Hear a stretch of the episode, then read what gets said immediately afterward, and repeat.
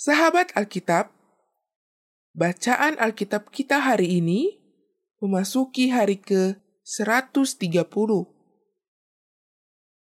Bacaan pertama terambil dari Lukas pasal 4 ayat 1 sampai dengan ayat 30.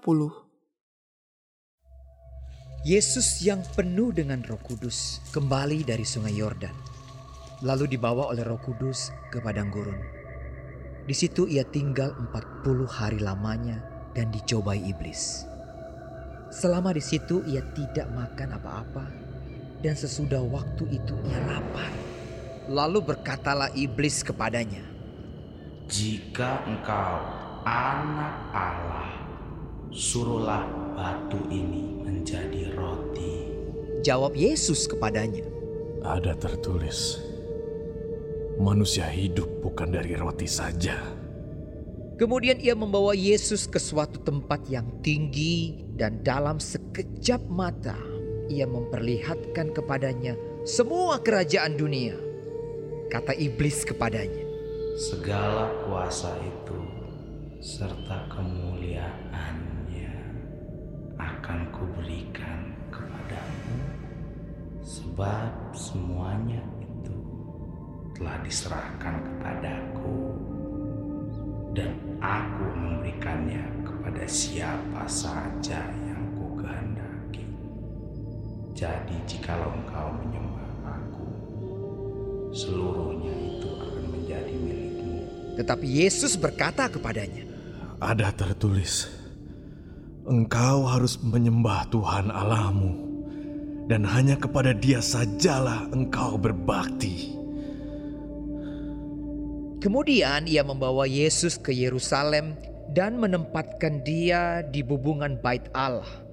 Lalu berkata kepadanya, Jika engkau anak Allah, jatuhkanlah dirimu dari sini ke bawah, sebab ada tertulis mengenai engkau. Ia akan memerintahkan malaikat-malaikatnya untuk melindungi engkau, dan mereka akan menatang engkau di atas tangannya, supaya kakimu jangan terantuk kepada batu. Yesus menjawabnya, katanya, Ada firman, jangan engkau mencobai Tuhan Allahmu. Sesudah iblis mengakhiri semua pencobaan itu, ia mundur daripadanya dan menunggu waktu yang baik. Dalam kuasa roh kembalilah Yesus ke Galilea. Dan tersiarlah kabar tentang dia di seluruh daerah itu. Sementara itu ia mengajar di rumah-rumah ibadat di situ dan semua orang memuji dia. Ia datang ke Nazaret, tempat ia dibesarkan. Dan menurut kebiasaannya pada hari sabat ia masuk ke rumah ibadat lalu berdiri hendak membaca dari Alkitab. Kepadanya diberikan kitab Nabi Yesaya dan setelah dibukanya ia menemukan nas di mana ada tertulis Roh Tuhan ada padaku, oleh sebab ia telah mengurapi aku. Untuk menyampaikan kabar baik kepada orang-orang miskin. Dan ia telah mengutus aku untuk memberitakan pembebasan kepada orang-orang tawanan. Dan penglihatan bagi orang-orang buta. Untuk membebaskan orang-orang yang tertindas. Untuk memberitakan tahun rahmat Tuhan telah datang. Kemudian ia menutup kitab itu, memberikannya kembali kepada pejabat, lalu duduk dan mata semua orang dalam rumah ibadat itu tertuju kepadanya. Lalu ia memulai mengajar mereka, katanya, Pada hari ini genaplah nas ini sewaktu kamu mendengarnya. Dan semua orang itu membenarkan dia dan mereka heran akan kata-kata yang indah yang diucapkannya. Lalu kata mereka, Bukankah ia ini anak Yusuf? maka berkatalah ia kepada mereka, Tentu kamu akan mengatakan pepatah ini kepadaku. Hai tabib, sembuhkanlah dirimu sendiri. Perbuatlah di sini juga, di tempat asalmu ini, segala yang kami dengar yang telah terjadi di Kapernaum. Dan katanya lagi, Aku berkata kepadamu, sesungguhnya tidak ada nabi yang dihargai di tempat asalnya. Dan aku berkata kepadamu, dan kataku ini benar. Pada zaman Elia, terdapat banyak perempuan janda di Israel ketika langit tertutup selama tiga tahun dan enam bulan, dan ketika bahaya kelaparan yang hebat menimpa seluruh negeri. Tetapi Elia diutus bukan kepada salah seorang dari mereka, melainkan kepada seorang perempuan janda di Sarfat, di tanah Sidon.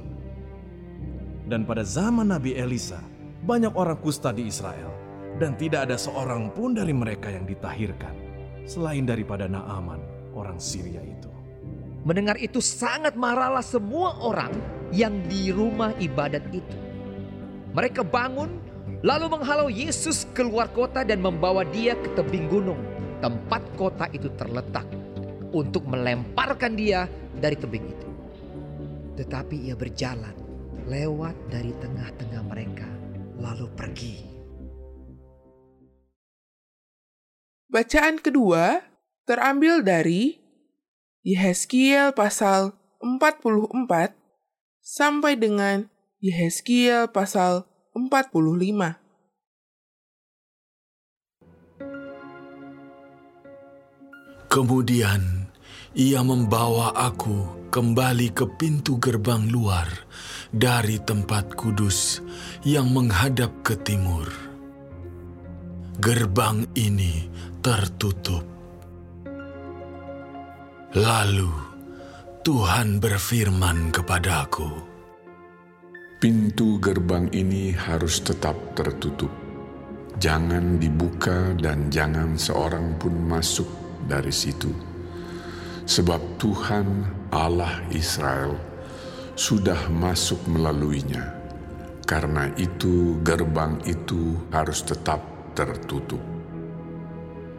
Hanya raja itu, oleh karena ia raja, boleh duduk di sana makan santapan di hadapan Tuhan. Raja itu akan masuk melalui balai gerbang dan akan keluar dari situ.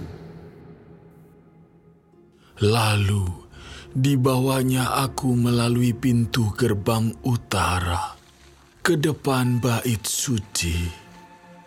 Aku melihat sungguh rumah Tuhan penuh kemuliaan Tuhan. Maka aku sujud menyembah. Tuhan berfirman kepadaku, Hai anak manusia, perhatikanlah baik-baik.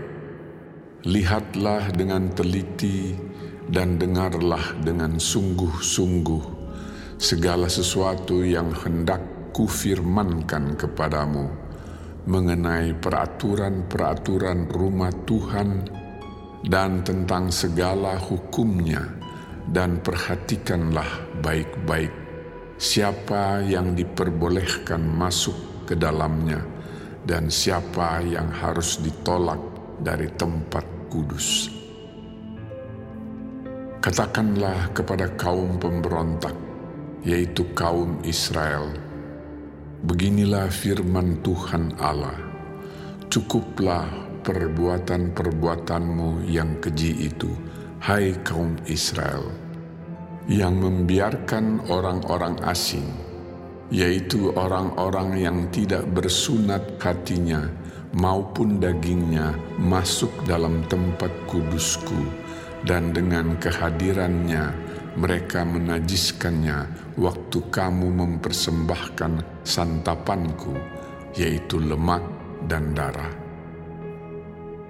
Dengan berbuat begitu, kamu lebih mengingkari perjanjianku daripada dengan segala perbuatanmu yang keji yang sudah-sudah. Kamu tidak memelihara barang-barangku yang kudus, dan kamu mengangkat mereka untuk memelihara kewajibanmu terhadap aku di dalam tempat kudusku. Oleh sebab itu beginilah firman Tuhan Allah. Tidak seorang pun dari orang-orang asing yang hatinya dan dagingnya tidak bersunat boleh masuk dalam tempat kudusku. Ya, setiap orang asing yang ada di tengah-tengah orang Israel. Tetapi orang-orang Lewi yang menjauh daripadaku waktu Israel sesat daripadaku dengan mengikuti berhala-berhala mereka akan menanggung hukumannya.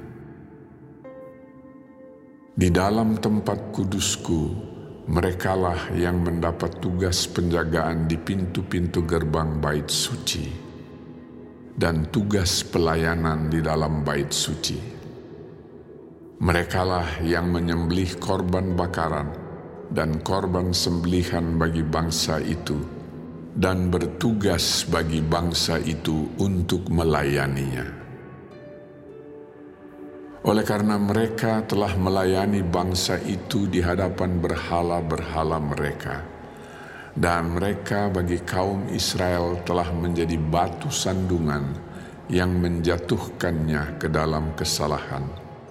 Oleh karena itu, aku bersumpah mengenai mereka Demikianlah firman Tuhan Allah bahwa mereka akan menanggung hukumannya sendiri. Mereka tidak akan mendekati aku untuk melaksanakan tugas imam di hadapanku, ataupun mendekati segala barangku yang kudus atau persembahan-persembahan maha kudus mereka akan menanggung nodanya yang timbul karena perbuatan-perbuatan mereka yang keji.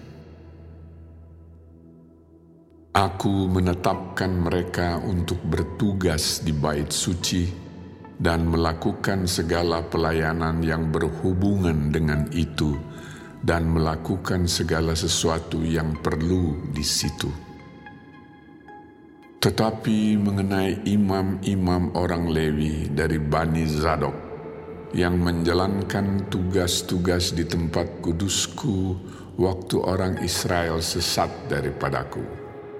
Merekalah yang akan mendekat kepadaku untuk menyelenggarakan kebaktian dan bertugas di hadapanku untuk mempersembahkan kepadaku lemak dan darah Demikianlah firman Tuhan Allah.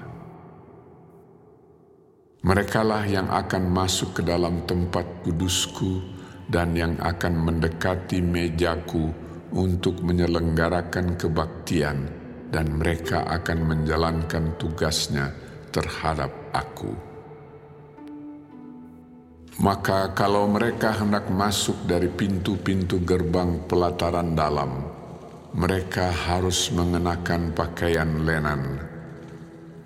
Mereka tidak boleh memakai pakaian bulu domba waktu mereka bertugas di pintu-pintu gerbang pelataran dalam atau waktu menyelenggarakan kebaktian dalam bait suci. Mereka harus memakai destar lenan dan memakai celana lenan tetapi jangan memakai ikat pinggang yang menimbulkan keringat. Dan waktu mereka keluar ke pelataran luar menjumpai umat Tuhan itu, mereka harus menanggalkan pakaian mereka yang mereka pakai dalam menyelenggarakan kebaktian dan menyimpannya dalam bilik-bilik kudus. Kemudian mengenakan pakaian yang lain supaya umat itu jangan menjadi kudus disebabkan kena kepada pakaian imam-imam itu. Rambut mereka tidak boleh dicukur atau dibiarkan tumbuh panjang, melainkan harus dipotong pendek. Imam-imam tidak boleh minum anggur kalau mereka hendak masuk dalam pelataran dalam Janda atau seorang perempuan yang telah diceraikan oleh suaminya, jangan mereka ambil menjadi istri, tetapi hanya seorang perawan dari keturunan kaum Israel atau seorang janda imam boleh mereka ambil. Mereka harus mengajar untuk umatku tentang perbedaan antara yang kudus dengan yang tidak kudus dan memberitahukan kepada mereka perbedaan antara yang najis dengan yang tahir. Di dalam sesuatu perkara, mereka harus bertindak sebagai hakim, dan mereka harus menghakiminya menurut peraturan-peraturanku. Mereka harus berpegang pada hukum-hukumku dan ketetapan-ketetapanku pada hari-hari rayaku dan menguduskan hari-hari sabatku. Mereka tidak boleh melihat orang mati, oleh karena dengan demikian mereka menjadi najis. Hanya dengan mayat bapaknya atau ibunya, anaknya lelaki atau perempuan, kakak adiknya lelaki, kakak adiknya perempuan yang belum kawin, mereka boleh menajiskan dirinya. Sesudah pentahirannya, ia harus menghitung tujuh hari, dan pada hari ia masuk ke tempat kudus, ke pelataran dalam untuk menyelenggarakan kebaktian di tempat kudus. Ia harus mempersembahkan korban penghapus dosanya. Demikianlah firman Tuhan Allah. Mereka tidak mendapat bagian milik pusaka, sebab akulah milik pusakanya dan janganlah berikan kepada mereka tanah milik di Israel, sebab akulah milik mereka. Persembahan korban penghapus dosa dan korban penebus salah, merekalah yang harus memakannya dan segala yang dikhususkan di tanah Israel adalah bagian mereka dan yang terbaik dari buah sulung apa pun, dan segala persembahan khusus dari apa pun, dari segala persembahan khususmu adalah bagian imam-imam, juga yang terbaik dari tepung jelaimu, harus kamu berikan kepada imam, supaya rumah-rumahmu mendapat berkat segala burung dan binatang yang sudah mati, atau yang menjadi sisa mangsa binatang buas, janganlah dimakan oleh imam-imam.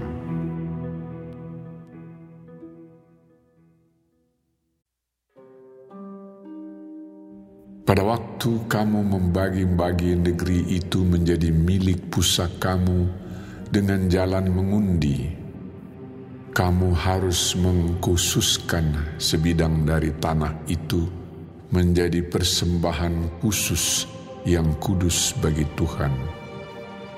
Panjangnya 25 ribu hasta dan lebarnya 20 ribu hasta.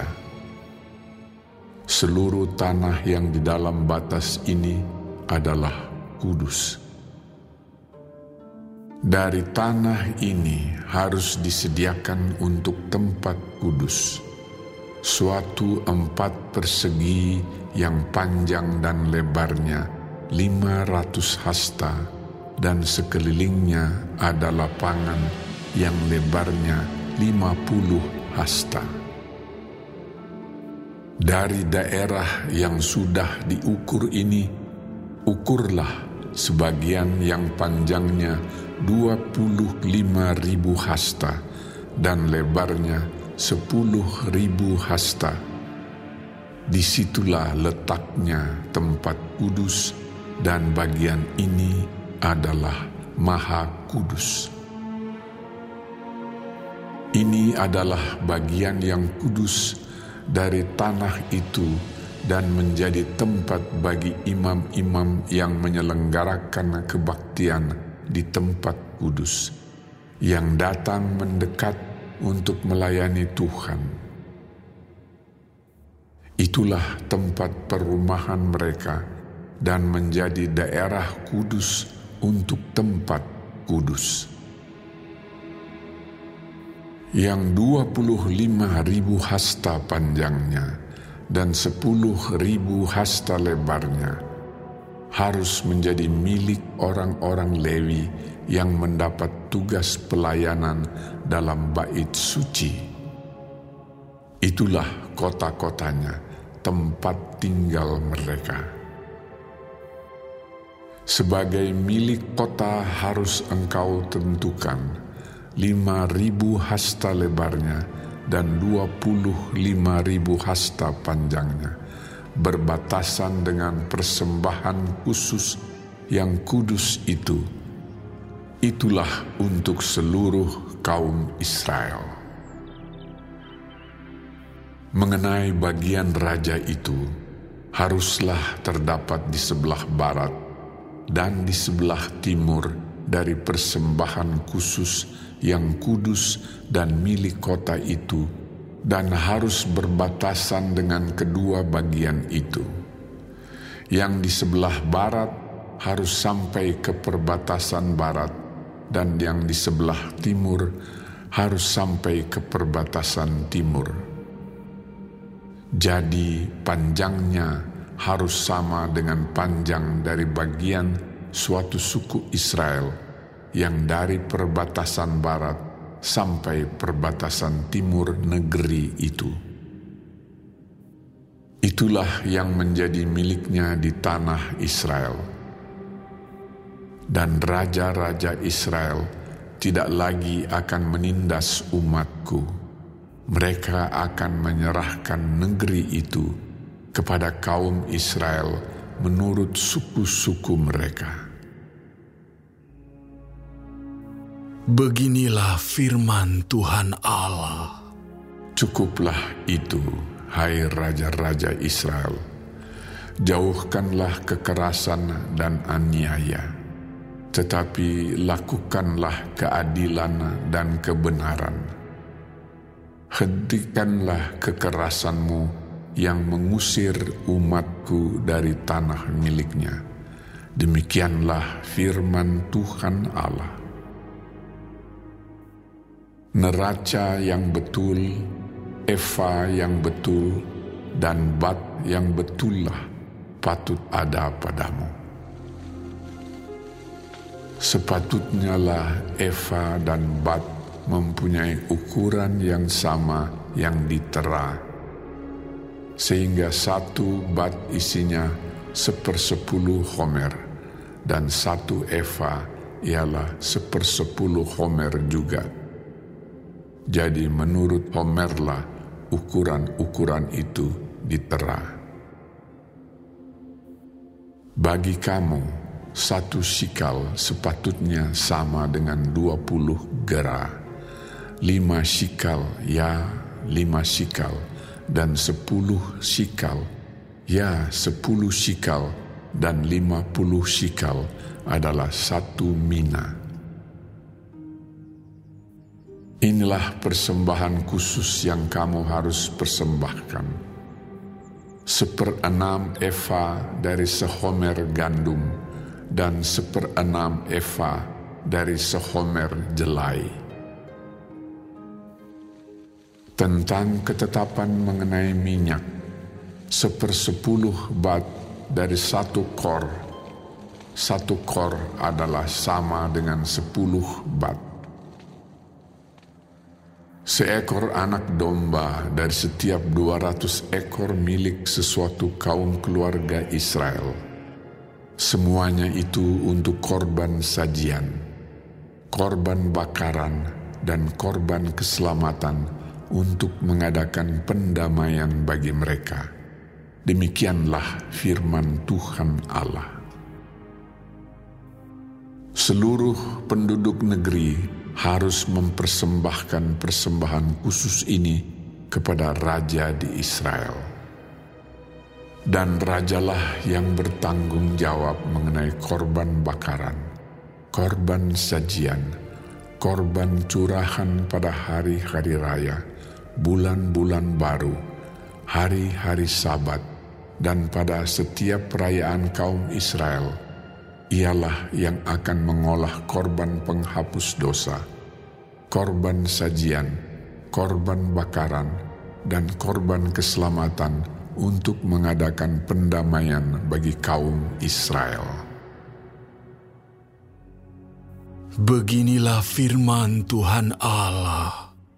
Pada bulan yang pertama, pada tanggal satu bulan itu, ambillah seekor lembu jantan, muda yang tidak bercela, dan sucikanlah tempat kudus itu Imam harus mengambil sedikit dari darah korban penghapus dosa dan membubuhnya pada tiang-tiang bait suci dan pada keempat sudut jalur keliling yang ada pada mesbah dan pada tiang-tiang pintu gerbang pelataran dalam. Demikianlah engkau harus perbuat pada hari pertama bulan yang ketujuh demi orang-orang yang berbuat dosa dengan tidak sengaja dan tanpa diketahui. Dengan demikian engkau mengadakan pendamaian bagi bait suci. Pada bulan pertama, pada tanggal 14 bulan itu, haruslah kamu merayakan hari raya Paskah. Dan selama tujuh hari, kamu harus makan roti yang tidak beragi pada hari itu, raja harus mengolah lembu jantan sebagai korban penghapus dosa karena dirinya dan karena seluruh penduduk negeri. Selama tujuh hari hari raya itu, ia harus mengolah korban bakaran bagi Tuhan. Tiap hari tujuh ekor lembu jantan dan tujuh ekor domba jantan yang tidak bercela, dan untuk korban penghapus dosa, tiap hari seekor kambing jantan.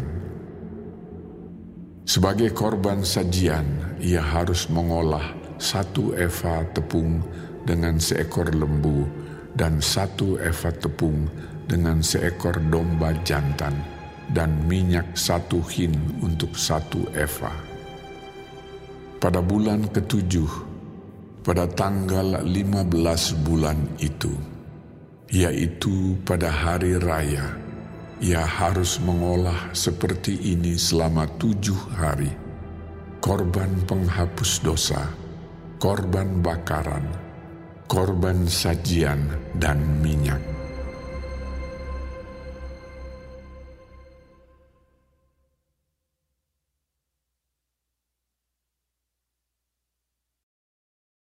Bacaan ketiga terambil dari Yesaya pasal 64. Sekiranya engkau mengoyakkan langit dan engkau turun sehingga gunung-gunung goyang di hadapanmu. Seperti api membuat ranggas menyala-nyala dan seperti api membuat air mendidih. Untuk membuat namamu dikenal oleh lawan-lawanmu, sehingga bangsa-bangsa gemetar di hadapanmu. Karena engkau melakukan kedahsyatan yang tidak kami harapkan seperti tidak pernah didengar orang sejak dahulu kala.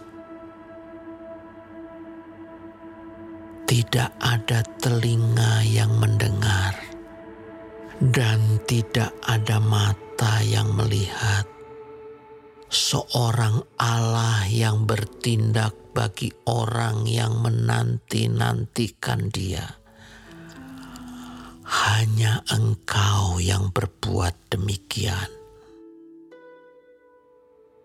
Engkau menyongsong mereka yang melakukan yang benar dan yang mengingat jalan yang kau tunjukkan.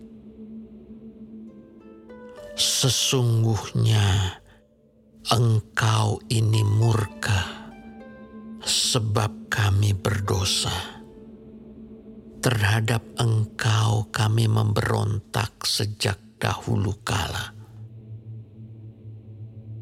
Demikianlah kami sekalian seperti seorang najis, dan segala kesalehan kami seperti kain kotor.